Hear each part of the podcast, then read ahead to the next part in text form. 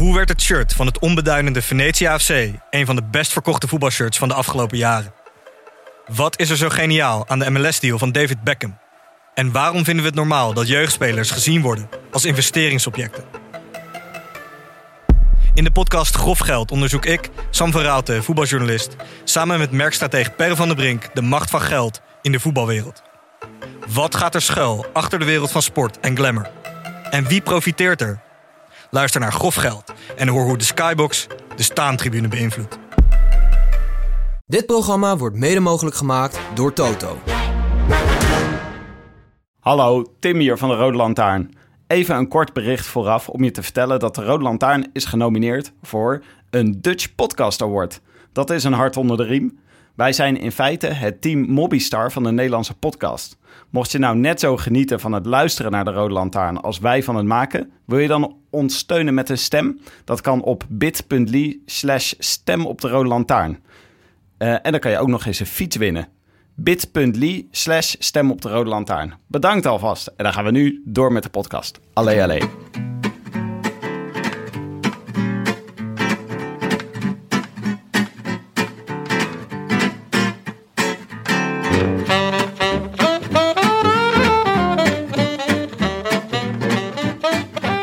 Woensdag 25 juli 2018 en we moesten heel lang wachten voor de etappe van vandaag van start ging. Maar gezellig was het wel bij Pompet. Live vanuit de Blauwe Keet naast het schuurtje met het croissantje op het dak is dit de Rode Lantaarn, de wielerpodcast van Het is Koers.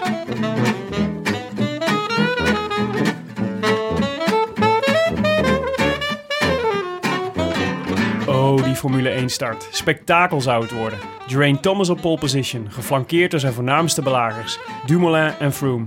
Het startlicht sprong op rood, het startlicht sprong op groen, maar in Bagnères de Luchon was eigenlijk niet zoveel te doen. Eigenlijk werd het een etappe als alle andere. Paar leuke renners vooruit, favorieten die elkaar beloeren tot aan de laatste kilometers van de streep. De emoties kwamen los bij de eerste aanval van Kruiswijk, maar die bleek eigenlijk gewoon een bidonnetje te willen pakken.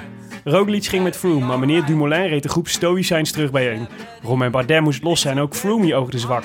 Zag Dumoulin en hij kon niet anders dan gaan, gaan, gaan. Maar ja, dan is er altijd nog Skybot nummer 2 en die piepte vrolijk mee in Smans wiel. Hoefde alleen maar weer aan te haken en poefde er alweer vandoor in de laatste meters van de rit. Karma scoren min 3, maar inmiddels bijna 2 minuten voor, met nog maar drie ritjes te fietsen. De degelijke overwinning was toen al gestolen door een afgeschreven Colombiaan van Mobbystar die een klimlang het hobbelpaard van zich af wist te slaan en zich euforisch als altijd liet interviewen na de finish. Van harte proficiat, ook met je 53ste verjaardag en de souvenir Henri Desgrange, Nairo Quintana. Dat schijnbaar oude ventje, zo oud is hij nog niet uit Colombia, maakt het hier dan toch waar komt bij wijze van spreken uit het niets. Moest er iedere keer af. En dan krijgen ze nog een formidabele steile bocht voor gezorgd. Maar wint hier wel op de Col du Portet. Deze fantastische etappe in de Tour van nauwelijks 65 kilometer. Quintana als eerste. I wish I could be in the south of France. In the south of France. Sitting right next to you. Willem, wat is dat eigenlijk, die souvenir Henri Desgrange? Um, dat is de prijs voor de, de, de eerste renner die het dak van de Tour bereikt. En het dak van de Tour is zeg maar de, het hoogste punt. En dat lag vandaag uh, bij de finish. Daar was de, de, de souvenir Henri Desgrange te winnen. Dus die was voor Nairo. En is dat, uh, krijg je dan een uh, bidon met daarop uh, Henri Desgrange? Ja, ja, het is, volgens mij krijg je een, een, soort, het is een soort medaille die je krijgt. En volgens mij zit er ook een aardig, een, een aardige geldbedrag aan vast. Het, is echt, het klinkt echt als iets voor Nairo Quintana. Om de souvenir Henri Desgrange te winnen. Dat hij op een platte kar in Colombia door zijn dorp wordt gereden. ja, hij heeft geen tourzegen, maar ik heb wel de souvenir Henri Desgrange mee naar Colombia genomen. Dat zou klinkt, dat klopt. Klasse hoor. Zeker. Hey, hoe vond je het met uh, Chalingi afgelopen zondag? In Breda? Ja, dat was, het was een uh, leuke, leuk tochtje toch naar Breda. Ik vond, ja. echt, uh, ik vond het ook leuk om een keer de hoe heet dat? Redactie van de Tour de Jour. Nee, de studio van Tour de Jour. Ja. Te, te zien zonder dat hij uh, gebruikt werd. Dus uh, dan ziet het echt zo. Uh, Aan de haven in Breda. Mooi plekje hoor. Ja, een beetje zo stoelen zo tegen de tafels en zo. En het was echt zo buitenwerking. Ja. Maar, wat is je bijgebleven van wat hij te vertellen had? Ah, ik vond het leukste gedeelte toch wel over hoe duur het is om die etappes te kopen. Ja. Een ton voor een etappe. Het is toch leuk dat je dat aan hem vraagt. Dat hij dan gewoon eerlijk antwoord geeft. Ja. De meeste, de meeste communicatieadviseurs zouden zeggen... nou, eh, lach gewoon mee Ja, en een eh, beetje, praat je onderuit. een beetje omheen praten zouden we zelf op met vragen. maar hij gewoon half miljoen voor de Olympische Spelen... een ton voor een tour-etappe. ja, klopt. Hey, ehm, En wat vond jij? Vond jij het leuk? Ik vond het heel leuk. Ja, nee, nee, sowieso vind ik het altijd leuk om in Breda te zijn. Maar ik vond het ook een leuk gesprek. Ja, zeker. Leuk wat hij vertelde. Vooral over, eh, over de ronde van Burkina Faso. Vond ik Ja. mooi. Nee, het was en hoe eh, warm het daar was. En dat hij gewonnen had en niet meer terug mocht komen en zo. Dat soort dingen. Vond ik leuk. mooi optimistisch was hij. Hij deed me ook een beetje aan Rob Harmeling denken in die zin. Van eh, zo iemand die zijn optimisme is niet Ja. kapot te krijgen. Ja, hij is eigenlijk het soort ideale renner voor, eh oud-renner voor de media ook natuurlijk. Ik zag dat hij vandaag ook weer in M zat van Margriet van der Linden. Met, samen met Nienke de Jong. Ja. Ja, maar dat is logisch, want hij is, soort, hij is natuurlijk... Het is een heel positief man. Hij kan makkelijk praten. En hij zegt ook wel zinnige dingen. Ja. Ja, dan is hij ja, natuurlijk al snel een media-darling. is toch leuk hè, dat Nienke en Maarten Chalingi daar zitten vanavond. Ja, ik- Afgelopen week in de Rode Lantaarn geweest. Ja, Is toch, eh, dan heb je het laten zien op het hoogste podium. En dan kan je wel naar hem. ja, precies. Nou hebben ze, ze getest en, eh, en goed bevonden. Ik vind het wel mooi dat jij het optimisme van eh, Maarten Chalingi mee hebt genomen naar deze week. Om eh, op eigen houtje Opera- Operatie Dark Sky te lanceren. Ja, Operatie Dark Sky, ja. Ja, dat is mooi, hè? Nee, ja, daar, nou, daar gaat het best wel lekker mee, toch? Jij kwam, eh, jij bel, eh, gisteren belde je ineens bij me aan en stond je met een flip overbord en een paar stiften stond je voor de deur. En dan ging je een- uittekenen een hoe je Sky... zwaaiend vuistje. Toen zei Tim, ik ga je laten zien hoe we Sky kapot gaan maken. Het, het codewoord is tweespalt, zei ik. We Ja. moeten tweespalt veroorzaken. Geef zo twee spalt op het, op het bord. En Ja, daarna... en daar zet ik een dikke streep onder het woord tweespalt. en wat was, Toen was wat, het duidelijk voor je wat ik bedoelde. Nou, wat was- tweespalt. wat, dit was gisteren, hè? Mhm. Wat was dan je tactiek? Nou, de tactiek was eigenlijk... Kijk, de, de, de, we dachten, hoe kunnen we de kansen van Dumoulin maximaliseren? En, eh, en daar had Chalingi het natuurlijk ook al over. En we kwamen eigenlijk tot de conclusie dat het, dat het beste wat zou kunnen gebeuren... was dat er oneenigheid ging ontstaan in het kamp Sky. Namelijk dat, eh, dat Froome en, eh, en ehm, Thomas elkaar niet meer zouden vertrouwen. Daar kwam het eigenlijk op neer. Nou, en bij Froome moet het dan zijn natuurlijk... Thomas zegt de hele tijd... ik ga, voor je rijden en, eh, en eh, jij bent de kopman. Eh, en dan, we moeten dan zorgen dat Froome Thomas niet meer gelooft. Dat hij uiteindelijk voor zijn eigen kansen gaat. Daar had Dumoulin al een voorzet voor gegeven. Want hij had al in een interviewtje na afloop laten vallen... dat, dat eh, tijdens een van de etappes... eh, Thomas hem terug had gebracht bij Froome. En de andere kant is natuurlijk Dat dat was we... overigens niet terug te vinden in beelden. Nee, Heb ik nee. wel geprobeerd. Maar... Nee, dus, dus het leek aardig. Het leek vinden. best wel een beetje op tactiek van, eh, van, eh, van meneer Dumoulin. Ehm, zoals we hem tegenwoordig moeten noemen, vind ik. En de andere kant is natuurlijk dat we, dat we Thomas moeten doen geloven dat hij, dat hij lekker voor zijn eigen kans moet fietsen. Want dat dit natuurlijk een eenmalige kans is om de Tour te winnen voor hem. En die combinatie van die twee, die zou voor twee spalt moeten zorgen. Je hebt het warm met Tim. Ik heb het een beetje warm willen. dus hier... eh, Jon- Jonne stelde het voor om de podcast naakt op te nemen.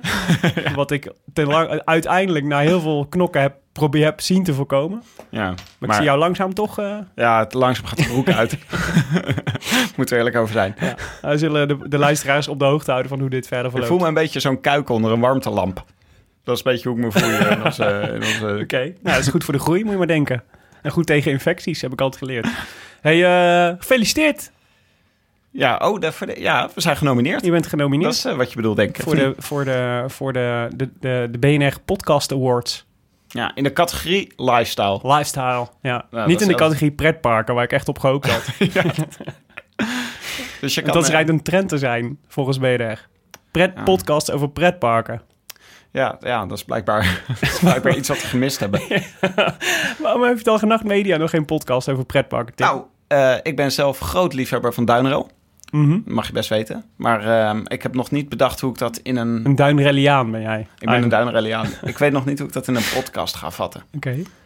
Maar eh, nee, ja, leuk. En ik zou het leuk vinden als iedereen op ons stemt. Want dat is dus nodig. De helft van de prijs. Je, je, moet, je moet twee dingen doen. De jury overtuigen. Mhm. En je moet veel stemmen hebben van je luisteraars. Ja, want het is 70% publiek volgens mij en 30% vakjury. Oh, ik dacht 50-50. Maar Ja. dat is, misschien heb je gelijk hoor. Ik zal nog even opzoeken. Ja. Maar mensen kunnen dus op ons stemmen via bit.ly slash stem op de Rode Lantaarn. ja, precies. En dan kan je dus eh, je stem uitbrengen op ons. Zou ik echt leuk vinden. Overigens zijn we niet genomineerd in eh, beste presentatoren, beste host. Nee, schandalig genoeg. Nee, ik denk... Nienke wel. Dus misschien moeten we dan met z'n allen op Nienke stemmen. Ja, ik wijt het toch aan Nienke de jou, Jong. Willem. Ik denk toch Hoezo? dat, ja, dat als ik in mijn eentje was geweest, dat het me wel gelukt was. nee Sorry. hoor, nee, dat is Hmm. niet waar. Hmm. Maar het is eh, jammer. Misschien zijn we ook niet uitgesproken host. eh. wij zijn ook soort van elkaars gasten. Ja. Dus als er categorie beste gasten was geweest, dan hadden we misschien wel kans gemaakt. Ja, ja oké. Nou goed. Eh, maar ehm, nou ja, leuk. Het zou leuk zijn als je op ons stemt. Want dan kunnen we een keer... Wij willen ook wel eens iets winnen. Ja, We zitten de hele tijd gaat dit over winnaars en verliezers. En telkens eh, zijn wij toeschouwer. Nu zijn we een keer... eh, eigenlijk vind ik dat het hele profpeloton een keer op ons moet stemmen in plaats van andersom. ja, dat, Dat zou netjes moeten zijn. ja. Het zou leuk zijn als ze bij Sunweb ook een poeltje zouden doen. Of voorspelbokaal. Wie deze... misschien moeten we het dus bij ze neerleggen. Kijken op wie Tom zit. Gaan ze natuurlijk Tom allemaal gaat natuurlijk de Jong stemmen. Dat zal je echt net zien. Ja, want die is altijd zo leuk. En moet al zo om lachen. Ja, ach, vreselijk. We moeten haar nooit meer uitnodigen, Willem. Is ook zo. Hey Tim, rectificaties. Allereerst eentje van jou. Ja. Jij Eh, hebt noemde- abusievelijk verteld dat de, de Alpe d'Huez vorige week de koninginnenrit was. Ja. Dat is natuurlijk, eh, dat was gelogen. Dat was fake nieuws. Ja, een beetje wel. Maar Nee. kijk, nou, maar Koninginnenrit is voor een gedeelte ook gewoon in de, in de eye of the beholder. Ik vond dat Voor jou was het de koninginnenrit. Ja. Eh, het is natuurlijk de tourorganisatie heeft op een volstrekt willekeurige manier. Niemand weet hoe het precies bepaald wordt. Bepaald wat de koninginnenrit is. En dat Mhm. is nu de rit vrijdag over Tourmalet en de Obisque. Ja.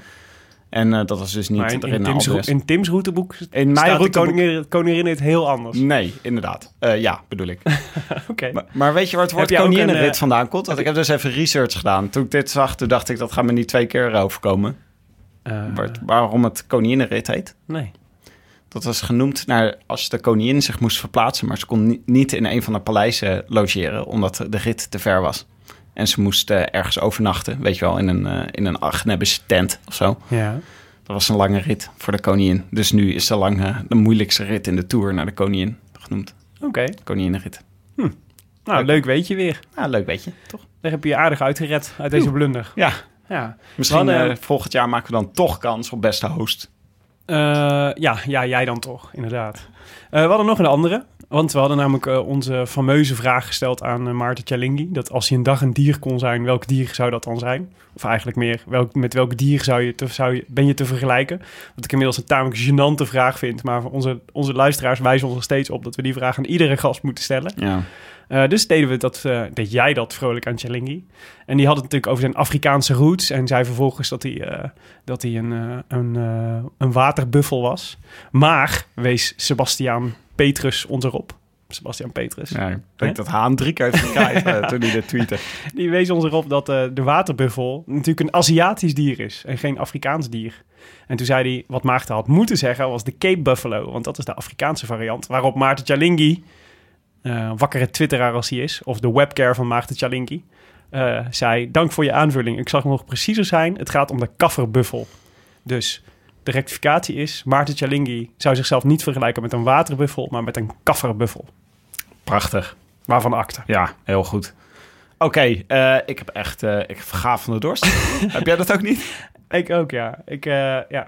Laten we een... eh, laten we een eh, Warm, Willem, een- wij zijn toch niet gemaakt voor dit soort temperaturen? Wij zijn goed in het voorseizoen. laten Dit we- is mijn week, hè? Dit is de derde week van de Tour. Dit is normaal gesproken mijn week, maar met dit soort temperaturen... je merkt dat ik gewoon afzak. Ja, ja, ja, Ik ben een beetje de Bardet van deze podcast. Je moet maar heel snel een natje opentrekken. Ja, we hebben... Wat heb je voor ons meegebracht? Ja, zoals je weet, Brouwerij De Molen is onze sponsor en maakt deze podcast mogelijk. En eh, die heeft ons een bierpakket gegeven eh, van, eh, van eh, een, biertjes die we kunnen drinken tijdens de etappes. Ja. Dat bierpakket kan je ook zelf bestellen op vanbieren.nl. Mhm. En dan kan je met ons meedrinken. En vandaag hebben we het biertje Bommen en Granaten. En zoals je hoort is Jonne al met een mes de biertjes te lijf gegaan. En eh, Want we zijn een opener vergeten. Tevens glazen. maar dat doet Nee. er niet toe. maar bommen en granaten, het klinkt heel zwaar. En ik zie 11,9% alcohol. ja, lekker toch? Ja, maar ik dacht, het wordt nu zwaar. Dit is het moment voor Bommen en Granaten. Maar we hebben het dus- Parijs voelt nog ver weg, ook al is het nog maar drie ritjes. Ja. Maar we Dus hebben het, we hebben het dus super warm. En we gaan nu super zwaar biertje drinken. Ja, En een podcast opnemen. En het klinkt als een sociaal experiment. ja zo voel ik. ik. Dit is hoe ik me voel. Oké. Maar eh, Bommen en granaten. Leuk. Proost. eh, ja, cheers. hebben we nog recensies van de ja. biertjes? Ja, ik heb natuurlijk mijn, eh, mijn twee favoriete recensenten even geraadpleegd. Dutch Darth Vader en Ice Dwarf. En Dutch Darth Vader en Oeh. Ice Dwarf. Zo, jeetje. Heb je al een slokje genomen? Nee, want ik ben, proberen, ik ben aan het ja, proberen om ja, de recensies van Dutch Darth Vader en Ice Dwarf voor te lezen. Mhm. Want die eh, Dutch Darth Vader en Ice Dwarf zouden Dutch Darth Vader en Ice Dwarf niet zijn, hadden ze dit bier niet gerate en uitgebreid gerecenseerd. Wil je weten wat ze ervan vonden? Ja. Dutch Darth Vader zegt... De geur is fantastisch en het ruikt zoet. De karamel komt je al tegemoet voordat je een slok hebt genomen. Het biertje zelf schuimt niet super, want daar zit Dutch Vader altijd erg op. Hè? Schuimt het? Ja, dan nee. Weinig koolzuur, maar een hele mooie diepe rode kleur. Niet bitter en het drinkt heel zacht, ondanks dat het best een zwaar biertje is. Het proeft zelfs verrassend fruitig in de nasmaak, met daardoorheen gedrenkt de smaak van karamel en chocolade. Ook al staat het laatste niet op het etiket. Al met al, kapitein Haddock zal dit biertje zeker waarderen, al is het alleen al omdat het als een bom inslaat. Mooi. Ben je er nog, Tim? Ja, Tim heeft een paar slokken genomen en oogt wat afwezig. nee, ja, ja ik, ik moet zeggen, nee, ik vind het heerlijk. Neem, neem een slokje. Het, is ook, het proeft ook echt als rood bier. Ik vind dat rood bier, dat heeft dan natuurlijk een beetje een aparte smaak. Robijnrood bier, Ja. zou ik zelfs willen zeggen. Ja, dat is dus wat Ice Dwarf zegt. Want die heeft ook een recensie uitgelaten. Dit zijn onze twee favorieten, hè? Ice Dwarf en Dutch Darth Vader. De IJsdorf vindt het dus robijnrood bier met schuim. Nou ja, dat klopt. Smaak is warm en krachtig met iets van rozijnen, cognac, anijs en rijpe druiven. Erg goed, vindt IJsdorf. Ik denk, Ja. dat, we, denk dat dit, als ik de, de recensie mag geloven, dan is dit wel, zijn dit zowel van Dutch Darth Vader als IJsdorf vooralsnog het favoriete molenbiertje. Ja. Bommen Ja. en granaten. En eh Brouwerij de Molen zei zelf, een paar van deze jongens in de benen en dan is Parijs zeker nog ver weg. nou ja, Zo voelt het ook wel echt. 11,9 procent. proost jongens. Jeetje. Ik ken klimmetjes die eh, minder stijl zijn dan dat. Oké, naar de koers. Eh, we hebben inmiddels de deur open gedaan. Dan is het in onze studio iets meer, eh, Mhm. iets meer eh, te overleven. Je hoort dus een beetje muziek op de achtergrond van Café Pompet. We hebben het vandaag over de 17e rit van de Tour. Een hele korte, dat maakt het extra leuk. 65 kilometer over drie klimmen. En eh, natuurlijk, deze rit hebben we eh, uren over gepraat. Omdat hij een gridstart had. Net als de Formule 1. Dat ze in vakken starten. En dat de mensen die het hoogste in het klassement staan als eerste starten. Mhm. Dus eh, dat maakt het bijzonder. En veel hoogtemeters en natuurlijk het dak van de Tour. De drie klimmen zijn de Saint-Lary-Soulon. Oh nee, sorry, dat zeg ik verkeerd. Ehm, Peressourde. ja, de Peressourde is de eerste klim. De tweede klim is de Col de Val eh, Laurent AZ. En de laatste is de Col du Parterre. Col de Parterre, precies. Ja. Dat was het dak van de Tour dus. Yes. Eh, en, maar eh, we keken natuurlijk allemaal uit naar de start. Want het zou gelijk vanaf het allereerste moment losgaan. Ja, ik stond, op het, ik stond dus op het... ik moest van Amsterdam Centrum naar Amsterdam Noord... om hier naar Pompet te komen, het wielercafé. En ik, ik wist de start is om kwart over drie. En ik zou er echt om spannen of ik het zou halen. Dus ik had Radio 1 al opgezet. En, eh, en daar werd al volledig vol, geanticipeerd op wat er komen ging. Maar er was een soort van beetje twijfel. Van iedereen dacht eigenlijk wel van ja, er gaat natuurlijk niks... Er kan iedereen die er een beetje verstand van had en wist hoe die opstelling was... dacht, er gaat natuurlijk niks gebeuren. Maar toch, omdat het zo gehyped was... en het iets anders is dan je normaal zit, ben wil, je toch, wil je toch meemaken. Dus ik heb echt als een dolle van, eh, van eh, het pontje naar hier gefietst. Ik was net te laat, maar ik had Radio 1 op het, op het journaal. Of op, het, op mijn telefoon, op de Radio 1-app. En dan kun je, die waren er live bij. En het ging, eh, ja, eigenlijk precies zoals we hadden voorspeld. Gewoon, je had zo die fantastische, ze hadden echt van die Formule 1 lichten, hè? Beetje Ja. Mario Kart lichten, vond ik het. En dan weet je zo piep, piep, piep. Ja. En toen eh stapte ze heel rustig op hun fiets. en schoof het zo allemaal in elkaar. het was echt eh, Het was een blubberstart, zoals met Mario Kart. totale, totale anticlimax. De scheet in een fles, zoals Michel zei. Het leidde tot veel hilariteit bij ons op het terras. Ja, Het was echt zo gejuich, weet je wel. Toen het begon en toen niks. ja. ja. Zelfs, ik vond het zelfs, de orde was zelfs helemaal hersteld toen De Maar gelijk daarna loste. Toen, dan denk je, ja, het is echt precies hetzelfde als altijd. Het is, eh nee, klopt. Eén iemand die wel meteen eh, tot actie overging was Tanel Kangert.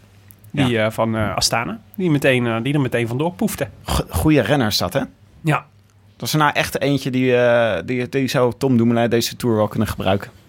Ja, ja. Ja, als een, eh, als een extra knecht. Ik weet niet of zijn contract afloopt, dat hij beschikbaar is. En hij zal, ik vermoed ook, als Astana-renner, dan eh, dat denk ik al meteen, die verdienen nu heel erg veel. Dus dan is het natuurlijk ingewikkeld om ze dan weer, eh, zeg maar, weer bij een ploeg die niet zozeer bekend staat als een ploeg die veel betaalt. Zoals Team Sunweb, om hem daar naartoe te halen. Ja. Maar in, in potentie ben ik het zeker met je eens. Als ze eenmaal overgelopen zijn naar de Astana-kant, is het moeilijk om ze terug te halen. Ja, ja precies. Dat zeg Maar- je mooi. Vandaag de hele dag eh vooruit gezeten. Een beetje met eh, soms in een groepje en soms, eh, soms niet. Mhm. Maar hij klom heel erg goed. Dus eh, je zag, eh, nou, je kreeg dus allemaal ontsnappingen aan het begin. En het was, eh, iedereen wilde erbij zitten. Ja, er ontstonden wel snel mooie, eh, mooie groepjes. Waar, eh, niet de, dus de grote klassementsmannen die, eh, die bleven keurig eh, in het peloton zitten. En die reden keurig en groep naar, eh, eh, naar de laatste klim. Eh, maar zeg maar van de mannen iets daaronder, daar waren toch wel een aantal. Valverde, Yates, Maika. eh, die, eh, die er, die er uh, Philippe hebben, we- hebben we even gezien. Die toch allemaal wel iets proberen. Keske zat erbij. Geske, ja. En het tijdperk Mollema. Ja, Gewoon weer hoor. probeerde het ook eventjes. Ja. Maar er gebeurde niet echt heel veel, toch? Mollema kwam niet, was duidelijk nog niet helemaal hersteld van zijn inspanningen. Nee. Ik had Geesink ook wel verwacht. Want die zei gisteren na de etappe, het gaat een keer lukken. Ja, maar of je dan meteen de dag nadat je zo'n inspanning hebt geleverd... meteen weer top bent, dat Ja. weet, dat weet ik Dus niet. het hoor. vrijdag wel, hè? Schrijf hem maar op, Geesink. Ja, het is zijn laatste kans, dus hij zal wel moeten. Hij moet wel iets proberen nog. Ja. Hij wordt er ook niet jonger op, hè? Het is niet alsof hij volgend jaar weer meer kans heeft om eh, een toeretappe te winnen. Ja. Nou ja, het is gewoon... eh, het, eh, je merkt dat hij moeite heeft om bergop met sommige jongens mee te komen. Ja, nou, Dat is ik, eerlijk moet- gezegd denk ik wel, als hij... eh, hij zei zelf na aflopen dat hij, eh, dat hij, dat hij die vrijdag, eh, die, die etappe van gisteren... ehm, dus gisteren was het dinsdag, dat hij, dat hij veel geleerd had van die etappe. Over, eh, over bijvoorbeeld hoe Alaphilippe zoiets, zo'n ontsnapping aanpakt. Dat hij dan de hele tijd zichzelf terug laat zakken naar de ploegleidersauto. Omdat hij dan de hele tijd drink aan het halen is. Maar daardoor nooit op kop hoeft te komen. Terwijl Geesink natuurlijk heel veel energie verspeelde. Met gewoon constant eh, voorop rijden. En kleine aanvalletjes die net niet, net, niet, eh, net niet doorgetrokken konden worden. Maar wat een nobele man is het toch, hè? Met zijn kopwerk. Ja, ja kijk, kijk, hij is, daar wordt er zeker een stuk sympathieker door. Maar het is natuurlijk lastig als je... Hoe oud is hij nu? 33, denk ik, Geesink? Ik weet het eigenlijk niet. Zoiets? 32 gok ik. 32? Ah, het, is natuurlijk, het is natuurlijk lastig als je van zo'n late transformatie is. Als, dat hij, als hij dit nu nog moet leren. Weet je al, zoveel kansen komen er niet meer. Dus je had eigenlijk gehoopt dat hij nu al de ervaring zou hebben gehad. Dat hij had geweten, dit is hoe ik zo'n rit moet uitspelen. En eh, ja, het is toch wel, het is toch lastig hoor, voor Geesink, denk ik. Om, eh, om eh, als, als er ook jongens als Alaphilippe mee zitten, dan weet je het eigenlijk nooit. Ja, je moet gewoon klas hebben. Je zag op deze eerste klim ook vandaag, zag je dat Kangert, die was echt zo goed. Die reed Mhm. gewoon, de groep kon hem niet bijhouden. Die reed gewoon weg. Ja. Dus die, kwam, die kwam al, vroeg kwam die alleen kwam die, te zitten. Ja. En toen zakte hij weer even terug. En toen, volgens mij op de tweede klim, toen kwam hij pas echt in zijn eentje voorop. En eh, ja, het, is een, eh, ja, het was een- natuurlijk een hopeloze missie met deze korte etappe. En de klassement. Maar hij pakte ook niet allemaal. echt veel voorsprong natuurlijk. Telkens zo rond de anderhalf, twee minuten Ja. zat hij maximaal. Het was te veel voor de klassementsrenners. Die, eh, die, Ja. die vonden deze rit te belangrijk om echt weg te kunnen rijden. Ja, ondertussen in het, in het peloton zagen we Quintana lek rijden. En, en kreeg hij een wiel van, wie was het? Wie was ploegnaam? Ja, André Amador. Ja. Ja, die, ja die, toch dat gekloot met die wielen steeds. We hebben het nu al echt bij een paar renners gezien waarvan ik eh, waar iedere keer kunnen we niet, moeten we niet alle knechten per standaard op, eh, op, eh, op mechanicien cursus sturen. Ja, Amador was wel echt de slechtste materiaalman ooit. Jezus, Ja. wat duurde dat lang. Ik denk Misschien echt na- dat een halve minuut heeft Na gekost. Simon of zo. Geschke misschien. Inderdaad, er nog een appeltje mee te schillen. Ja, maar, het is- maar het is een serieuze vraag. Hè? Dus ik, waarom zou, zouden die jongens, dus die knechten, zouden die, die weten natuurlijk allemaal wel hoe je een wiel moet vervangen. Maar in het kader van, eh, van eh, we hebben het wel eens hier in deze podcast gehad over dat, het, dat, dat wielrenners bijvoorbeeld baat zouden hebben bij judo-training. Omdat je dan leert hoe je moet vallen. Weet je wel, dat, is, Ja. dat helpt. Ja, dat was jouw theorie. Dat is mijn theorie. Ja, Ja, Maar daar hebben we het over gehad. Ja, ja dat is waar. Voor mijn theorie. standpunt. Maar eigenlijk zou je zeggen, het zou best wel logisch zijn als je, als je ook leert als knecht hoe je heel snel een wiel kunt Maar ik eh, denk dat- vervangen. Maar ik denk dat je ook best wel een paar opties hebt tot dat moment. Want het, eh, je kan natuurlijk ook gewoon fiets wisselen. Dat is als je echt het gat klein wil houden, gewoon snel fiets wisselen. Maar die- als je zo aan de voet van een klim zit, Ja. dus aan, het voet, aan de voet van de tweede klim was het, dan moet je gewoon snel zorgen dat je weer een goede fiets hebt en een goed wiel. Ja, En maar dan, dat kan eh, dus. Als je dus dat, ze doen dat dus omdat je. Ehm, dus die kopmannen eh, hebben allemaal in principe iemand bij zich. eh, die eigenlijk constant bij hun in de buurt moet blijven voor dit soort gevallen. Dat je eigenlijk meteen de fiets kan wisselen. Dus eh, wij, stel, wij, ik ben jouw kopman. Nee, laten we het omdraaien. dat is realistischer. Hè? Jij bent de kopman en ik ben jouw knecht. En wij zijn ongeveer van dezelfde lengte. Dus dan, dan zou ik naast jou fietsen. En dan zou op het moment dat jij lek rijdt, zou ik jou gewoon mijn fiets geven. En dan ga ik dat probleem wel oplossen. Dat ik een lekker band rijd. Toch? Ja, dus je moet altijd iemand van jouw lengte Ja, natuurlijk. dus dat was. Dus Ja. ten, Dam is dus de man die dat voor Dumoulin moet zijn. En die zat dus te balen dat hij aan de verkeerde kant van de weg zat op de Muur de Bretagne. Waardoor hij Dumoulin niet meteen zijn fiets kon geven. Waardoor Dumoulin eindigde met Geske naast zich. Waarbij Geske ook nog niet een beetje aan het kloten was met het voorwiel van, eh, van Dumoulin. Daarom zeg ik dus, eigenlijk zou je verwachten, als je, eh, laten we in het kader van de marginal gains hè, van, eh, van Sky, om dat maar, waarom zou je niet die jongens allemaal, misschien krijgen ze wel, weet ik het niet, maar dat ben ik dan benieuwd naar. Maar waarom zouden die jongens niet allemaal gewoon een mechanicien cursus moeten, moeten krijgen, zodat ze gewoon dit soort dingen supersnel kunnen? Eerst Je weet judo, dat zo belangrijk. Eerst judo of eerst mechanicien cursus?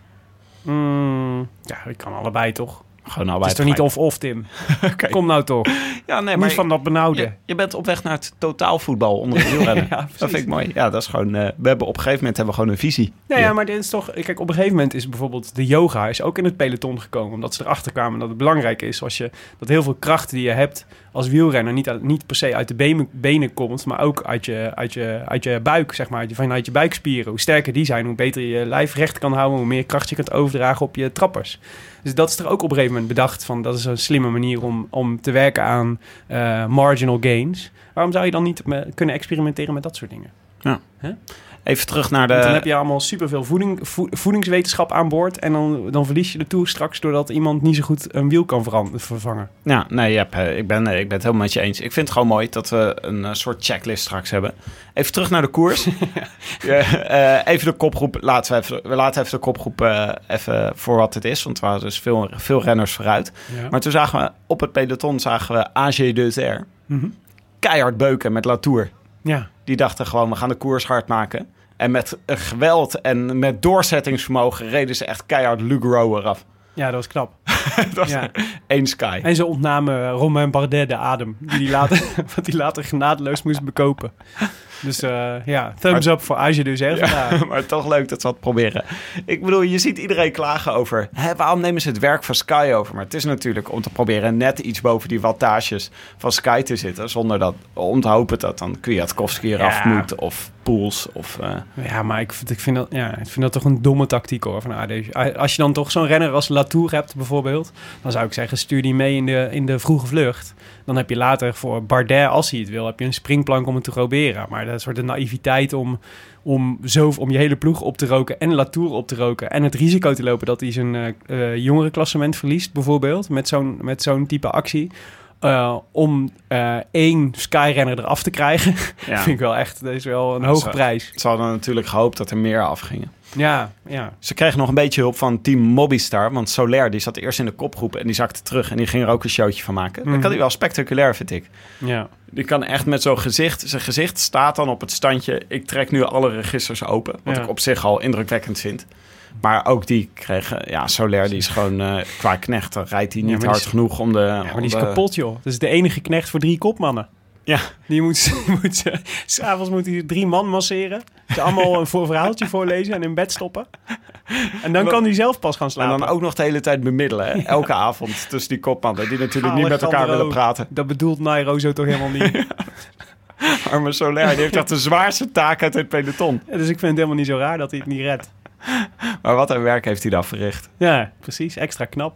Hey, en ehm, eh, nou, we zagen Sagan vallen. Dat vond ik ook wel een dingetje. Dus we zijn over de tweede top. Ja. En eh, in de afdaling zien we ineens radio, het bericht van de wedstrijdradio. Sagan is gevallen. Ja, het, het gerucht kwam tot mij via mijn buurvrouw, die, eh, die eh, kennelijk een andere, een andere Twitter-feed had dan ik. En die in één keer zei, hey, Sagan is gevallen. En toen later inderdaad kwam, kwamen, eh, kwam het via de wedstrijdradio, kwam het ook via, via de, de commentatoren tot ons. En we hoorden best wel lang niks. We zagen ook niks wat er gebeurd was. En dit is op een of andere manier voelt het heel gek, als, want Sagan valt nooit. Dat is een beetje zijn ding, toch? Dat hij nooit valt. Ja. En, eh, en, eh, en het was in een afdaling, dus je dacht, ja, het, gaat, het, is best wel, het gaat natuurlijk super hard. Dus als je dan valt, is het best wel snel heel erg eigenlijk. En, eh, en ja, ik word, altijd heel wantrouwend en onrustig op het moment dat ik niet heel snel iets hoor of beelden zie waarvan Ja. ik zelf soort kan inschatten. Onheilspellend. Ja, Ja. Ik, het voel- ik voelde echt een beetje, een soort, ik begon een beetje pijn in mijn buik te krijgen. En toen eh, kregen we gelukkig te horen dat hij, eh, dat hij weer op de fiets zat. En dat hij, na, naar, dat hij na de afloop van de etappe naar het ziekenhuis zou gaan. En dan weet je eigenlijk wel van, nou ja, weet je, dan is het, nou ja, is- het is in ieder geval niet, niet heel, heel, heel erg. Nou ja, we weten nooit, want renners rijden ook door met gebroken heupen en Ja. eh, gebroken sleutelbeenderen. Maar, de- ik vond wel, wat gisteren was, hadden we dus die val van eh, Philippe Gilbert in de afdaling. Ja, die wilde ik ook nog even noemen. Dat, is, vond ik zo'n gracieuze val, vond ik dat? Nou, het was fantastisch. Hij maakte natuurlijk een, een, een, eh, inschattingsfout. Hij viel het fantastisch, ving hij het op. Ja. Was echt, Was dat eh, een judo-waardige val? Nou, nou bijna meer een soort veldrijden-achtige move. Dus hij, hij kijk, de, dus je moet maar die beelden terugkijken. De kans dat hij, als hij eerder gevallen was eh, dan dit, was hij, met, was hij vol tegen dat muurtje aangekomen, zelf. En nu zet hij, parkeerde hij feitelijk zijn fiets dwars tegen het muurtje en schoot hij zelf eruit en over het muurtje. Ja. En, ehm, Moet maar net met je voeten op tijd losklikken om, dat, eh, Ja, om precies ja. zo te vallen. Ja, het is, ja, het is heel knap. Ik vond het echt 12 point. Ja, en hij viel, dus hij raakte tijdens, het, tijdens de vlucht raakte hij niks, maar kennelijk toen hij viel raakte hij eh, zijn knie geblesseerd. Hij had zijn knieschijf gebroken. Maar had ik echt dus over de, dus hij stak, hij kwam, eh, werd omhoog geholpen en hij stak zijn duim op en dan weet je eigenlijk, nou oké, het is niet, het is in ieder geval, eh, het is in ieder geval zonder echt erg. Maar ehm, eh, ik, Michel en José zeiden dus dat hij bij het terugzien van de beelden eh, dat, eh, dat hij eh, hevig geëmotioneerd raakte. Omdat hij toen pas eigenlijk doorhad dat hij, waar hij aan ontsnapt was. Ja, dat is natuurlijk zo. Weet je wel, dit was één bocht verwijderd. één bocht van, de, van, de, van het fatale Casartelli-ongeluk van eh, 20 jaar geleden. Ja. En, en dit, ja, het is serieus. Als je met 75 km per uur zo de, macht over het stuur kwijtraakt, ja, dat kan gewoon echt heel naar aflopen. Prachtig. En ik snap ook heel goed dat je daar echt, dat je dan, dat je op adrenaline weer omhoog klimt. Hij zei dat hij ook even had stilgelegen en gedacht, kan ik nog bewegen? Weet je wel, is dit nog, eh, doet alles het nog? Ook dat gevoel, dat je dan daar ligt en denkt, holy moly, wat is er gebeurd? En doet alles het nog? En dat je dan langzaam bedenkt, oh nee, alles doet het nog. Ik heb alleen een beetje zere knie. En omhoog klimt. Ja, ik snap wel dat je dan, eh, dat je dan totaal, eh, totaal, nou ja, dat je emoties voelt na afloop en denkt, god, wat heerlijk dat ik hier aan ben. Ik vind zo'n mooie renner, Philippe Gilbert. Ik Ja. vond ook dat Alain Philippe, die ging ook zo schitterend van de berg af gisteren. Ja. Die was eh, Ja, die die, maar die, deed het fanta- die reed gewoon heel mooi naar beneden. maar zwierig, toch? dagen. Een beetje Bart Veldkamp. Op Ja. Bart Veldkamp wijzen naar beneden. Zo, eh, Hij had ook wel het we voordeel... dachten dat- een beetje zo... eh, Je had zo'n mooie, zo klassieke muziek eronder kunnen doen. Dat hij dan zo zeker. mooi van links naar Ja. rechts over de hij weg... had ook wel het voordeel dat hij Adam Yates voor zich had. Die natuurlijk echt als een, eh, als een, eh, als een, als een boer met, een, eh, met, eh, met zijn trekker eh, de afdaling inging. Dus het was echt niet... eh, het was, hij, het kon- hij had het contrast wel mee, zeg maar. Maar dan nog was het echt een schitterende afdaling van Alaphilippe. Zeker. Sagan zegt overigens dat er niks gebroken is. Hij is in het ziekenhuis geweest. En eh, nou, Ja. dat, is, dat is goed nieuws. Fijn voor Peter. Oké, van staal. hoe is het verder in het peloton? Ja, wat gebeurde er? Nou ja, het belangrijkste moment was natuurlijk dat... terwijl hier de glasbak gelegen werd. Het was heel gezellig bij Pompet. Dit, is echt, dit was het resultaat van het feest. Eh, maar ja, de- dus, Quintana, dat is eigenlijk het belangrijkste, toch? Ja, we, Die, we zijn dus op de slotklim, Col de Portes. Voor het eerst dat hij beklommen wordt. Ja. Quintana is weggereden. Of nee, dat moeten we natuurlijk gewoon dat moeten we even bij stilstaan. Quintana rijdt op geweldige wijze weg. Het was mooi hoe Wuit, Michel Wuit, aan het begin van de etappe de hele tijd zei hoe slecht Quintana erbij zat. Mhm. En gewoon lekker omsloeg op de laatste klim. En zei, Ja. jeetje, wat, eh, wat ziet hier dartel bij. Ja, ja, hij refereerde weer aan. eh, het lijkt, dit lijkt eindelijk weer een beetje op de Quintana zoals we hem eh, vijf jaar geleden in de Tour eh, voor het eerst als de grote belofte zagen.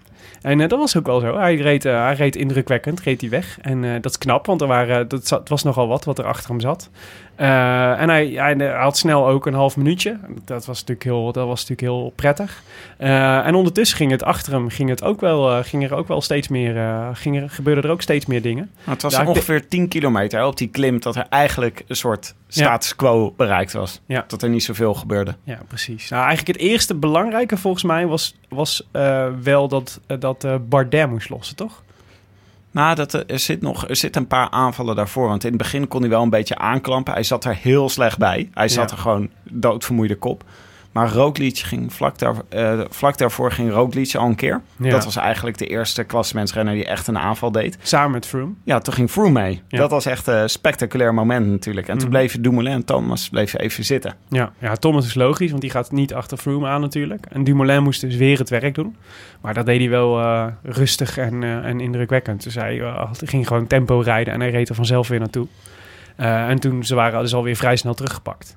Toen zagen we eigenlijk wat eigenlijk opvallend was dat Poels in die periode eh, gelost was. Vond ik heel vroeg eigenlijk. Want Poels die was natuurlijk, natuurlijk mee voor de derde week van Sky. En daarvan zou je eigenlijk verwachten dat hij nu, eh, dat hij nu op zijn top is en de belangrijkste knecht is. Maar eigenlijk is de, de, pools van, de pools van Sky is momenteel Bernal. Die is echt, eh, dat is degene die echt het langste, het langste overblijft. Pools kwam er wel weer nog eventjes bij. Maar Bernal moest toch eigenlijk het echte, het echte zware werk doen. Het was vandaag frustrerend in die zin dat die Skies de hele tijd er bijna af leken te vliegen. Ja. En dan weer terugkwamen. Dus Poels die kwam ook op zo'n spectaculaire wijze. Reed zo om het groepje heen en eh, ging er voorrijden. Maar Bernal die was de hele tijd, die kraakte even en die kwam gewoon weer voorrijden. Ja. Die jongen gaat zo goed worden. Dat is gewoon, hij heeft een fantastisch voorjaar gereden. En hij rijdt hier in de Tour, rijdt hij ook. Hij is gewoon, eh, hij, rijdt eh, wattages voor Sky. Ja, hij had veel pech in de eerste week, maar hij staat ook geloof ik nog echt nog 16 of 17 of zo in het Ja. klassement. Dus super knap. Ja, en, en dus Quintana zat inmiddels eh, vooraan de koers en werd achtervolgd door Daniel Martin, het hobbelpaard. Die, eh, die, eh, die leek veel sneller te rijden dan, dan Quintana, maar toch niet, eh, niet dichterbij kwam. Dus dat was echt duidelijk een verschil in stijl in plaats van... dus die zat, dat was echt, hij deed zijn hobbelpaardnaam eer aan. Ja.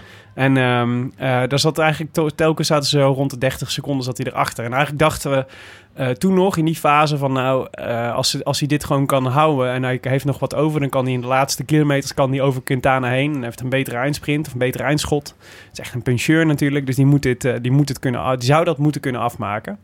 En, ehm, eh, maar dit was opvallend, want hij reed, Daniel Martin reed weer heel goed. En, maar toen zagen we eerst eigenlijk Bardet lossen. Het wa- Ja, toen, toen ging het eigenlijk voor het klassement los. Hè? Want Ja. eh, Bardet die moest, eh, die moest er gewoon vanaf. Toch de nummer gewoon, 5 van het eh, klassement. eh, Ja. Ja. Ik had wel verwacht dat hij... Ik had nog wat dingen van Bardet verwacht deze week. Maar het is gewoon niet goed. Hij was een beetje... eh, hij, hij- je zag het eigenlijk aankomen. Hè? Hij was echt een beetje bleekjes. Hing een beetje achteraan de groep. En ehm, ja, je weet gewoon... nou, hij moest op 10 kilometer moet hij lossen volgens mij. Dan weet je gewoon, dit kan, dit kan echt een leidersweg worden. Ja. De echte klap bleef uit. Want ik vond dat hij uiteindelijk heeft hij nog de schade redelijk beperkt weten te houden, vind ik. Voor zo'n... eh, voor, dat, dat had veel erger kunnen zijn. Maar toch wel, eh, toch wel pittig. Het was in ieder geval het, het voornaamste slachtoffer, denk ik, eh, van, deze, van deze rit. Nou ja, vlak daarna. Pam, pam, pam, pam, pam. Ja, Froome eraf. Vroom eraf. Ja, dat was lekker, hè? Je ziet dat Roglic ging nog een keer. Toen ging Thomas, sprong mee met Roglic. Ja. Die vond ineens Roglic belangrijk. Mhm. En toen zag je Froome al een beetje zo kraken. Spartelen, ja. Toen Ja, dachten we van rijd, rijd door, rijd door. Kruiswijk en eh Roglic en eh, Maar- Dumoulin. Maar Dumoulin heeft hem eraf gereden uiteindelijk. Die Ja. was degene die op een gegeven moment versnelde. En toen hield. Froome niet meer bij. Ja, ja, hij moest wel. Hè. Dus Du- Dumoulin zag dat Froome zwak zat gewoon. En ja, als je, de kans, als je de kans schoon ziet en je, ziet, je weet Froome is, is zwak, dan hoe je jezelf ook voelt, je moet je het proberen. En dat deed Dumoulin goed. Hij ging gewoon eh, hij ging hard aan. En eh, hij had alleen de pech dat, eh, dat de gele trui hem gewoon eh, eigenlijk toch wel verrassend makkelijk kon bijhouden. Ja. Ja. die had wederom deze hele etappe geen trap te veel gedaan. Nee, nee dus ik weet, dat beeld van hem gewoon achter een rug van een skyrunner... Dat, dat is gewoon het beeld wat ik zal onthouden van deze Tour. Ja. Heeft denk ik een kilometer heeft hij, eh voorop gereden. De, telkens de laatste 200 meter van de rit rijdt hij voorop. Maar Froome, ik heb echt het gevoel dat Froome... Het is inmiddels echt al eh, een tijd geleden, twee jaar geleden... eh, ja, twee jaar geleden in de Tour... dat hij nog bergop het verschil kon maken. Mhm. En sindsdien eigenlijk niet meer. Het lukt hem gewoon niet meer. Ja. Het is... eh, hij, Hij we hebben hem wel vaker zien lossen Dat is alleen maar aan te klampen. Altijd. Ja, hij heeft de beste ploeg. Hij rijdt degelijk. Ja. Eh, daarmee kan, kan je rondes winnen. Zoals je ziet. En de stunt die hij in de Giro uithaalde is natuurlijk fantastisch. Zo'n Froome stunt die ook wel eens met Sagan zo is weggereden. Of een berg is opgerend op blote voeten. Ja. Nee, niet blote voeten. Zonder fiets. Mhm. Maar eh, dat zijn de stunts, weet je wel, voor Froome. Die zijn natuurlijk geweldig. Maar ik weet niet of hij nog de klimmer is. Zo spectaculair wegrijden. Dat zie je hem gewoon niet meer doen. Nee. Zijn demarages zijn een beetje tandeloos. ja. We hebben hem wel vaker zien lossen. Nou ja, dus ook wel. Ik, dus, dus Kijk, stel dat, eh, dat Thomas nu de Tour wint, dan is natuurlijk, ontstaat er natuurlijk zoiets. Dat is nu al sprake van, hè? Dat, dat eh, Thomas, of, ehm, Froome staat nu op 2,5 minuut, geloof ik, van, eh, van, van ehm, Froome. Of ja, voorsprong. Hoeveel heeft hij voorsprong? Van Froome? eh eh, Dumoulin op Froome? Nee, dus, oh ja, het Froome staat op 2,31 van Thomas. En dus, de, dus, dus, ehm, en nee, dus het is wel interessant wat er nu gebeurt in die ploeg. Dus de grote kopman, zeg maar, eh Froome, die, eh, die, da- die heeft dus iemand voor zich staan die een grotere kans maakt om de Tour te winnen dan hij. Maar stel dat dat gebeurt, dan verandert natuurlijk ook de hele dynamiek sowieso in die Sky-ploeg. Want de Sky-ploeg is helemaal ingericht op het succes en de grote successen van Froome. Dus als er dan in één keer een, eh, een, een, ander, een ander iemand zeg maar, de, de hoofdprijzen gaat winnen. Wat betekent dat dan voor de rol van zo'n Froome in een, in, een, in een ploeg als Sky? Ik vind dat Ja. wel fascinerend hoor. Ik vraag me Hij is ook af al of er- 33 hè? Ja, maar ik vraag me af. Ik denk niet dat er iets verandert ten gunste van Geraint Thomas. Dit is toch een beetje een tour geweest waarin alles voor hem mee zat. Alles viel op de goede plek. Ja. Hij heeft niet op de verkeerde momenten lek gereden. Hij heeft niet per ongeluk een keer eh, in een verkeerde waaier gezeten of eh, op verkeerde plek in een klim. Hij heeft altijd knechten bij zich gehad. Alles ging goed in de ploeg. Goede ploegtijdrit gereden. Dus voor hem valt gewoon alles op zijn plaats. En dit zal waarschijnlijk achteraf net zo'n tour blijken als voor Wiggins, weet Ja. je wel, die een keer eh, wint. Eh, of eh, Sastre die een keer eh, won. Of Evans die een keer won. Ja, jij vreest niet voor het tijdperk Thomas. Nee, ik zie geen tijdperk. Eer, eerder tijdperk Bernal. Want ik zag vandaag hoe ontzettend goed in reed. Als je hem gewoon een hele, hele ploeg om hem heen bouwt, kan je ook wel even vooruit. Ja, ja dat is waar. Ehm, maar dus Dumoulin ging, ging, zag dat Froome zwak was en ging aan. Kreeg Thomas mee, kreeg Kruiswijk en Roglic mee. Eh, en kreeg Ma Mika Landa nog, eh, die zat er, zat er nog bij, volgens mij. Ja, En, ehm, en eh, ja, dat was wel mooi om te zien. Tong met, Froome met zijn tong uit zijn mond, die op steeds grotere afstand gaat rijden. Dat is wel het beeld waar we op hadden gehoopt natuurlijk voor de Tour. Alleen Ja. dan hadden we eigenlijk gehoopt dat Tom inmiddels in het geel zou rijden. Of in ieder geval eh, daar dicht tegenaan zat. Dus eigenlijk was het een soort dubbel gevoel had ik. Want ik dacht aan de ene kant dacht ik, oh fijn, wat geweldig dat je Froome eraf rijdt. En toch zit je dan met Skybot nummer 2 in je wiel. Waarvan je weet, ja, die moeten we er eigenlijk ook afrijden. Want anders is dit hele, dit hele, deze hele episode tamelijk zinloos. het is de, de ploeg, hè, Willem. Ja. Maar eh eh, Nairo Quintana wint. Ja. Eh, Dan Martin tweede. Geraint Thomas, die, die Dekselse, eh Dekselse kopman van, eh, van Sky nu, die sprint nog even weg en pakt nog een paar seconden.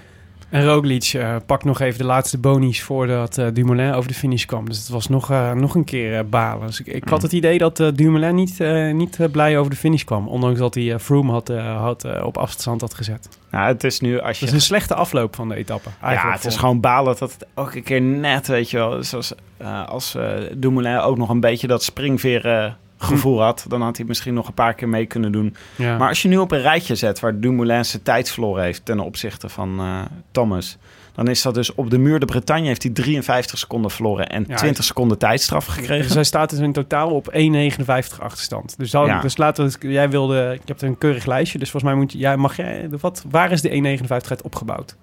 Ja, dat was ik, daar was ik mee bezig, Willem. Dank. Ga je gang. De, de, op de muur de Bretagne had hij 53 seconden heeft hij verloren doordat hij tegen Bardet aanreed en spaken brak. Mhm. Toen heeft hij een tijdstraf van 20 seconden gekregen. Dan zitten we op 1,13. Ja, toen heeft hij in de ploegtijdrit 7 seconden aan zijn broek gekregen. Dat was natuurlijk ook achteraf gezien een geweldige ploegtijdrit van eh Sunweb. Ja. En naar zijn favoriete skioord, toen hij in de aanval ging, toen heeft hij 20 seconden aan zijn broek gekregen en 4 seconden bonificatietijd. Mhm. Op Alpe d'Huez heeft hij 2 seconden verloren, Mhm. Plus 1,50 vier- zit vier- inmiddels. 4 seconden bonificatie. Ja. En eh, deze etappe 5 seconden plus 4 seconden bonificatie. Ja. Dat is echt bijna niks gewoon bergop verloren. Nee. En als je dus die hele passage met dat tegen Bardet aanfietsen en zijn spaken breken de en de ongelukkig wisselen op de muur de Bretagne ervan afhaalt. Ja. En die Dat- straf. Ja, dan hou je 40 seconden ongeveer over. Ja. En dat, is een, dat zijn tijden. Stel je voor dat het, dat dat niet was gebeurd. Dan had Geraint Thomas niet in de verdediging kunnen rijden deze hele Tour. Maar Nee. had hij in aanval moeten gaan. En dan was het een hele andere Tour geworden. Nee, dat is waar. Het kan een hele dure, een hele dure botsing worden. Die Ja. muur de Bretagne. Ja. Maar dat is het nog niet. Het is nog niet verloren, Tim. Wim, jij bent natuurlijk... Jouw Dumoulin-hart klopt als nooit tevoren. Zie je het nog gebeuren? Ja. Ja, nee, kijk, je kunt hier, je kunt heel... Ja, nee, natuurlijk zie ik het nog gebeuren. Ik bedoel, de kans is niet...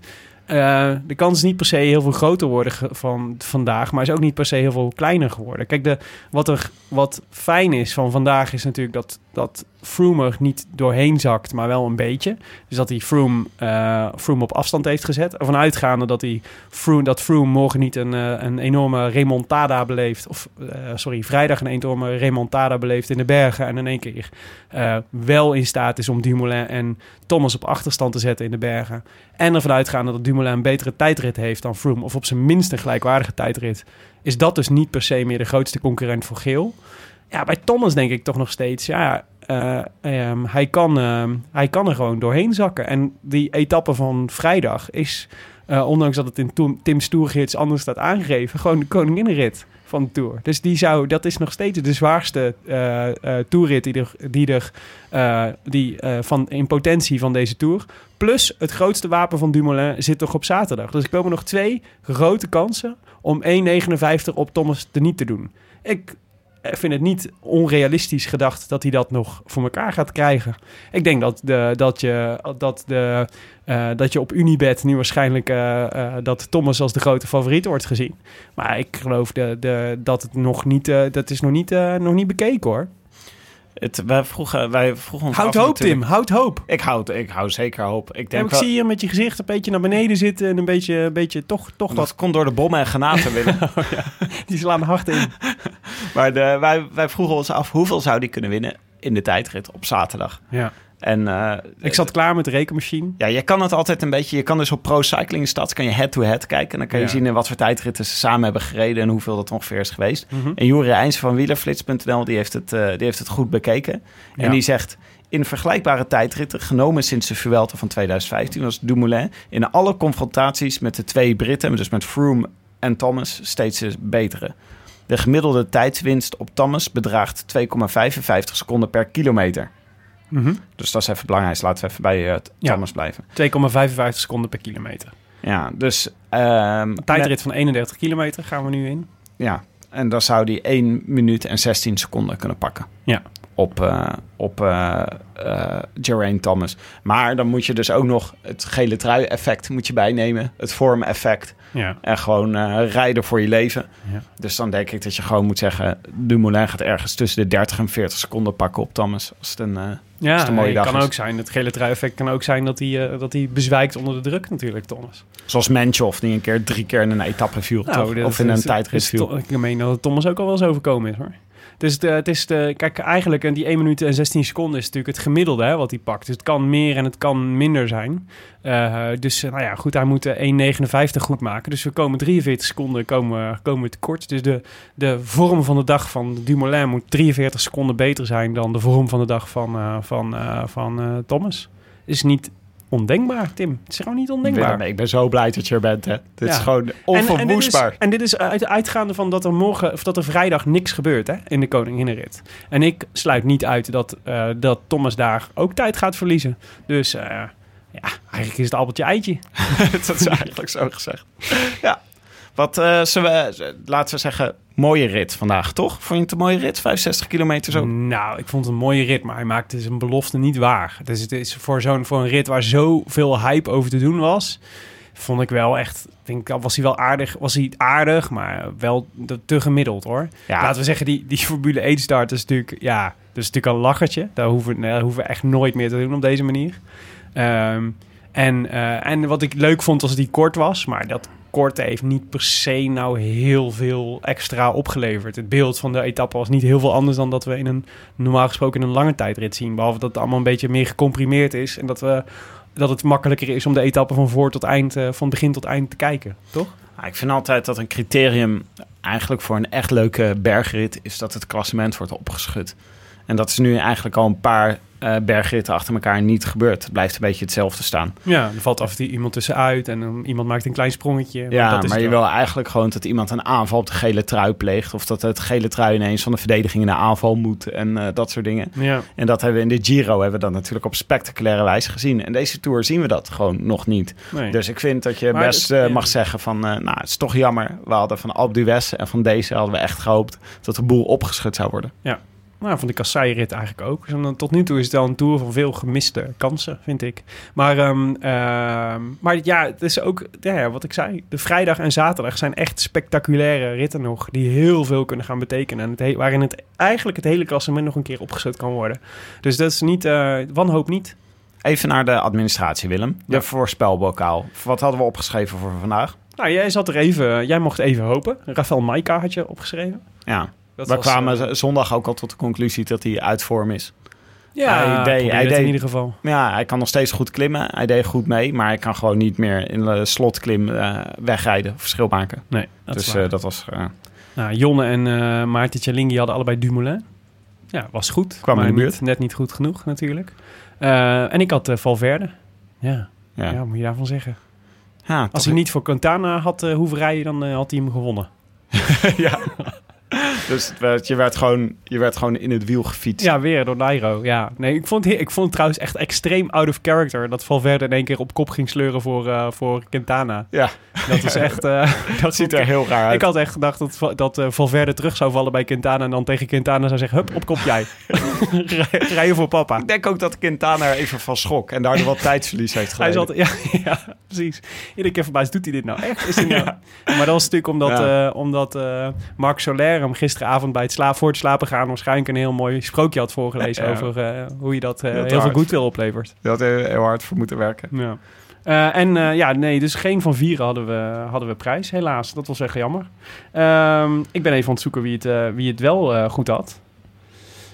Even kijken hoor, waar ik dat ook weer had staan.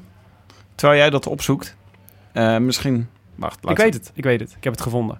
We hadden eh, een aantal winnaars. Een aantal mensen die hadden gezegd... eh, die, door, die, eh, die Nairo Quintana hadden voorspeld als de winnaar van de voorspelbokaal. Mathilde Jan Verder, Tom van Os, Martin Prins... Camille van Hees, Ferry Paalman... Geert Methorst, Felix Dieteren, Roeland Meijer... Erik Slomp en Jouke Westland. Jouke Westland die heeft volgens mij als eerder een voorspelbokaal gewonnen. Dus die zat er weer, zat er weer dichtbij. Het zit dichtbij. Maar de winnaar van de dag is Ferry Paalman. Die wint, Mooi. die wint de voorspelbokaal. Schitterend, Ferry Paalman. Echt leuk, voor Fer- echt leuk voor Ferry Paalman.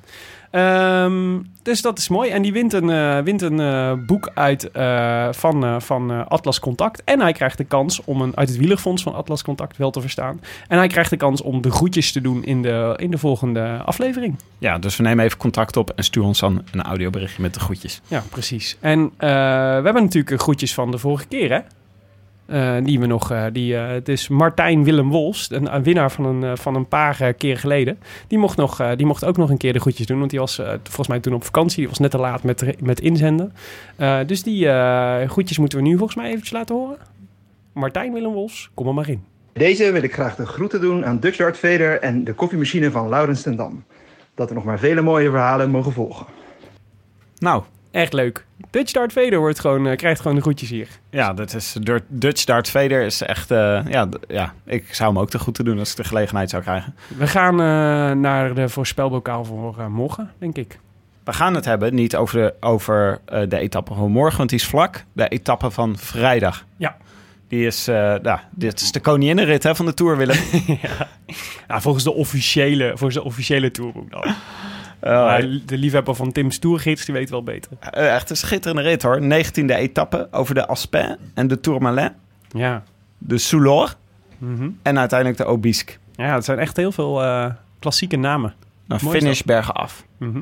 Dat is ook wel, vind ik wel mooi van de tourorganisatie. Dat ze gewoon de laatste bergrit finish bergen af doen. Zodat de klassementsrenners die kort staan... zich nog net even hun leven in de waagschaal kunnen gooien... door met 130 km per uur naar beneden te racen. Nog, eh, nog één keer met z'n allen in de keuken kunnen staan en ons hart vasthouden. En hopen dat het over is. Ze denken, ja, is, dat is toch onze verantwoordelijkheid bij de afgelopen. Wat maakt het ons uit? Ja, ja inderdaad. Ja, het, eh, tw- 20 kilometer na de top van de Obisque. Dus het is ook echt een flinke afdaling. En eh, wie, eh, wie heb jij opgeschreven, Willem? Ehm, ja, ik heb eh, in het verleden vaak hier hoog opgegeven over de onderschatte daalkwaliteit van Tom Dumoulin.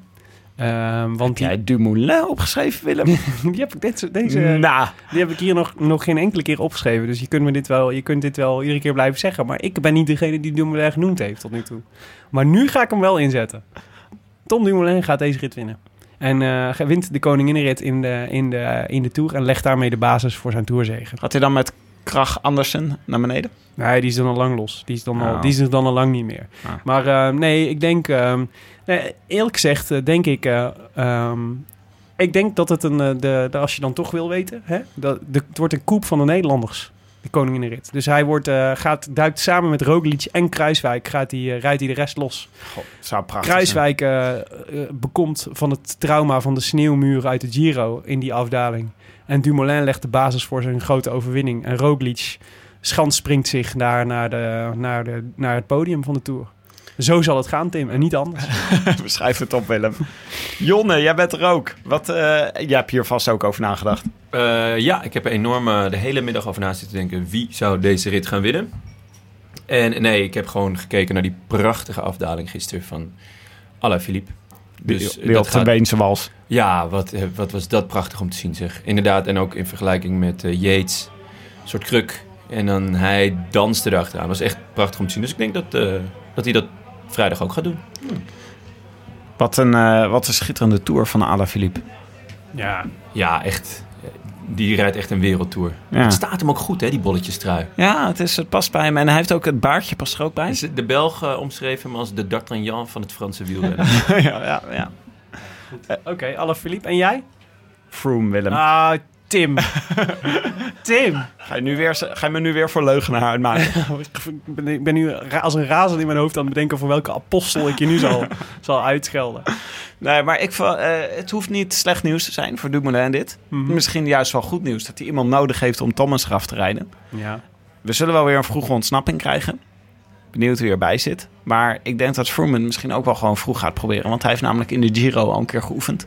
Ja. Maar toen had hij niet iemand in het geel die zijn, die zijn eh, ploeggenoot was. Ja, maar Froome is trots hè. En eh, zijn vriendin is ook heel agressief. Dus als hij thuis komt zonder toeroverwinning heeft hij ook een probleem. Hij krijgt grandioos op zijn donder. En dan is alleen nog Marc Soler die hem wil troosten. Die is, toch, die is toch in die modus. Froome geeft nooit op, Willem. Ah, ja. De Peter Jan Rens van de Skyploeg, eigenlijk. Precies. Ehm, meedoen kan via de Rode Lantaarn op Facebook. En je kunt die pagina dan meteen even liken. Of via de hashtag voorspelbokaal op Twitter.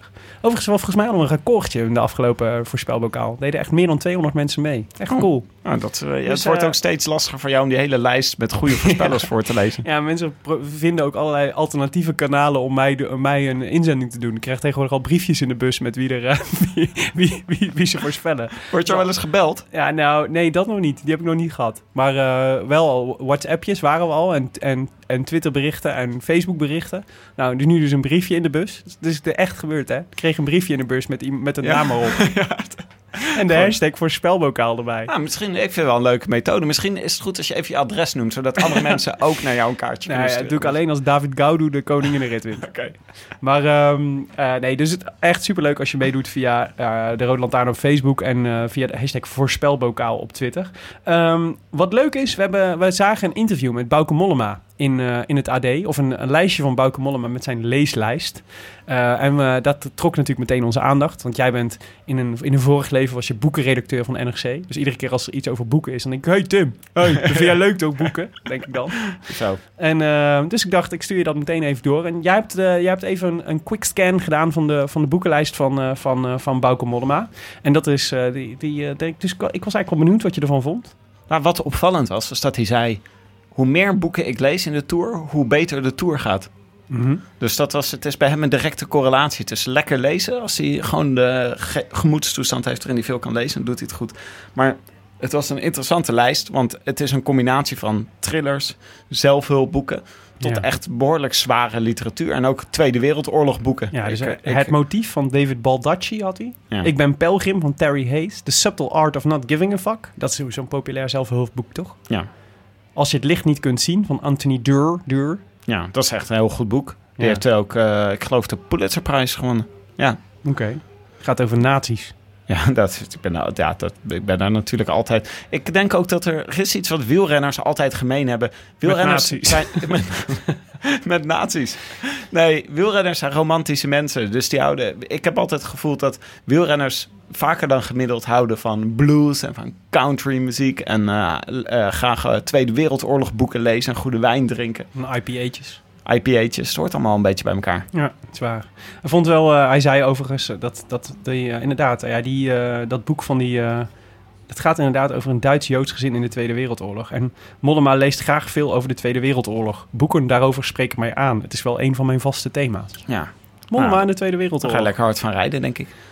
Ja, oké. Maar het leuke is dat hij dus ook het, ehm, eh, het boek Reizen zonder John op zoek naar Amerika van Geert Mak op zijn lijst had. En dat Atlas Contact toen zei: hey, die komt uit ons fonds. Is het niet leuk om die weg te geven? Dus eh, de prijs voor de volgende voorspelbokaal is dus het boek eh, Reizen zonder John op zoek naar Amerika van Geert Mak. Omdat die ook door Bauke Mollema gelezen wordt. Zullen we aan Bouke ook een eh, mini-recensie aan hem vragen? Oh, Even kijken of ja, dat aan dat kunnen we wel doen. Dat is wel leuk. Kunnen tweeten. Ja, en dan kunnen we dat tweetje in, de, in het boek plakken. Zo'n soort ondertekenen. Min of meer, ja, daar komt het wel op neer. Oké, nou leuk. Oké, Willem. Dit was, de, dit was hem voor vandaag. Maar niet voordat we even hebben gekeken naar... Rob Stoerpoels. Rob Stoerpoels. Hoe staat het daar eigenlijk voor? Ja, we hebben hem een beetje, een beetje genegeerd in de afgelopen tijd. Nou, ik ben me niet Maar het lag genegeerd, maar, aan hij, jou. hij- omdat ik zo laag stond. ja, dat is, Je hebt, eh, nou, je hebt iedere keer wist jij een reden te bedenken om vandaag niet over Rob Stoerpoels te praten. goed, dat was hem voor vandaag, Willem. Vrijdag zijn we er Ik weer. zie dat het uur er alweer op zit. Nou ja, eh, het is, eh, ik sta inderdaad echt van de 900, ik sta iets van 897 of zo. Ik sta echt heel laag. Ja, Mijn grootste blunder is dat ik Sagan vergeten ben. Ja dat is Ja, altijd fijn. Jonne is mij nu weer in mijn gezicht het uitleggen. Ik was nog over vergeten. Weet je, je selecteert, je denkt eh, sprinters. Ik moet even sterk zitten in de sprinters. Je zoekt naar marginal gains. Hè? Ik ben Mhm. een skyman, zoals je weet. Mhm. Marginal gains. Dus ik had Gaviria aan Groenewegen. Die heeft iedereen. Ja, Sagan heeft ook iedereen. dat is waar. Maar ja, ik niet. Jij dus, niet. En daardoor doe ik sowieso niet mee. Oké, nou de, de, de, laat ik zeggen, de nummer 1 is eh Roel Kennis. Die staat momenteel bovenaan. Eh, wat is het ook alweer? De Jenne Pongel staat op 2. Ik vermoed dat dat een Vlaming is. En de derde is ook een Vlaming, Matthias van Genechten. At Vram the Tweet op Twitter. Die staat derde. Eh, als ik even naar, eh, naar eh, onze eigen scores kijk. Ja, jij staat inderdaad 983ste ongeveer. Van de 962 deelnemers. Heel pijnlijk. Jonne gaat wel eh, best wel lekker. Die eh, staat momenteel twaalfde. Dus ze heeft nog, eh, die heeft nog wel een kansje hoor. Samen met wie is de Sabutamol? Ja, ze, ze hebben weer echt prachtig uitgeblonken in allerlei eh, bijzondere namen. En, ehm, en ik sta 26ste. Dus eh, nou, vind ik op eh, 960 vind ik dat lang niet slecht. Benja Bruining, 21ste. Dat is ook leuk. Ja, dat is toch van eh, Alles is Liefde en zo. En leuk dat hij meedoet. En, ehm, eh, nou ja, en Frank Heijnen staat 97ste. Die staat ook nog gewoon top 100. Dus eigenlijk hebben alle de, de, de mensen Ja, uit ja, de, ja, de eerste aflevering hebben het ontzettend goed gedaan. Ja, Eigenlijk op één uitzondering. Ja. Eh, ja. nee, ik heb het echt. Ik heb ook eh, sle- ik ga slecht in al mijn tourpoeltjes dit jaar. Dat is Hmm. echt, ik had alles op Bardet gegokt. Ja. Ik dacht echt dat Bardet sterk zou worden. Maar hij gaat wel 2K winnen, Willem. Nou, dat is, eh, dat is een schrale troost. Ehm, Dat was het. ja, dat was hem echt voor Nu, vandaag. nu sluiten we hem af. U luisterde naar De Rode Lantaarn. Gepresenteerd door uw favoriete bankzitters Tim de Gier en Willem Dudok. Vandaag eh, niet vergezeld door Jonas Ries van Dag Nacht Media.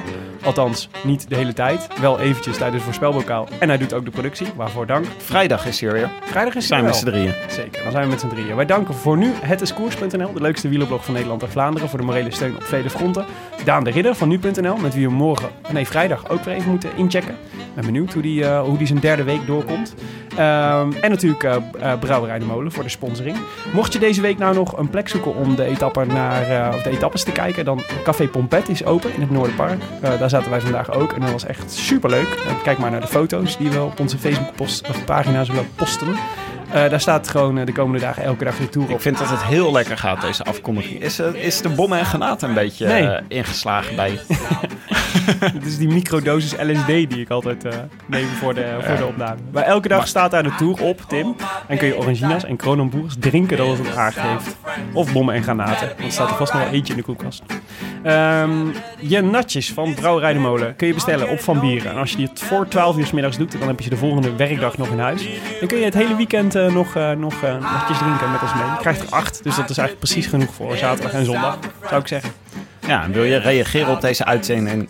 uitzending dat kan op Twitter via Willem Dudok en Tim de Gier. Abonneer je ook vooral op iTunes, dan krijg je de nieuwste afleveringen. En als je daar een reviewtje achterlaat, wordt het voor andere mensen makkelijker om ons te vinden. Voor de mooiste review hebben we deze tour ook een boek beschikbaar. En dan kijk ik gelijk even. Ja. Willem, hebben we nog een leuk om voor te lezen? Nou, Bello gaf ons vijf stemmen. Vijf sterren. En ze schreef, veel beter wordt het niet. En een duimpje omhoog. Oh. Dus dat is alvast een eh, nominatie voor de beste recensie van, eh van 2018. Oh, je wilt het daarbij laten. Nee, ik heb er ook nog eentje van Doemaas. Die schrijft, wat een geweldige sfeer heeft de Rode Lantaarn. Niets op aan te merken. Meer dan goed. Malheur treft niet alleen de renners. Voor vandaag was mijn alweer tweede natjesverzending onderweg. Kijk, goed zo Doemaas. Dorstig lag, lag, lag ik naast de deur te wachten. Waar bleef dat pakketje? De online status geeft aan dat de zending beschadigd is tijdens transport en retour afzender is gegaan. Gelukkig is er alweer een nieuw natjespakket onderweg. Dit zet me flink op achterstand. Ik hoop als rechtgeaard Dumo- Dumoulier, Dumoulier dat Tom vandaag meer geluk heeft. We gaan het zien. Ik verheug me nu alweer op de volgende Rode Lantaarn. Zet hem op, Tim en Willem. Leuk zeg. Dankjewel, aardig. Doema's. Eh, we kunnen weer wat nieuwe recensies gebruiken, dus eh, zend ze in en wie weet eh lezen we je de volgende keer voor. Hartstikke leuk. Wij zijn er vrijdag weer. Twee keer dan zelfs. Ja, s ochtends met Daan de Ridder, onze man van nu.nl. En s'avonds met eh, de Koninginnenrit. Althans, Koninginnenrit tussen aanhalingstekens, hè Tim? Koning in Ja, precies. Dat is zoals de, de officiële kanalen ons willen doen geloven, maar wij weten wel beter. Oké. En we blikken dan ook meteen vooruit op de tijdrit van zaterdag. Waar alles, alles, alles beslist gaat worden. In het voordeel van Tom Dumoulin. Fijn. Fijn om hiermee te eindigen, Willem. Als je eh, even abonneert, komen de rode lantaarntjes vanzelf in je feed. oh, ja. Wil ik nog even zeggen. Tot vrijdag. Fijne avond. Lonely weekend. and blue. Nee, fijne vrijdag. Fijne donderdag. Fijne vrijdag. here A bientôt. without A you. bientôt. I wish I could be in the south of France. In the south of France. Sitting right next to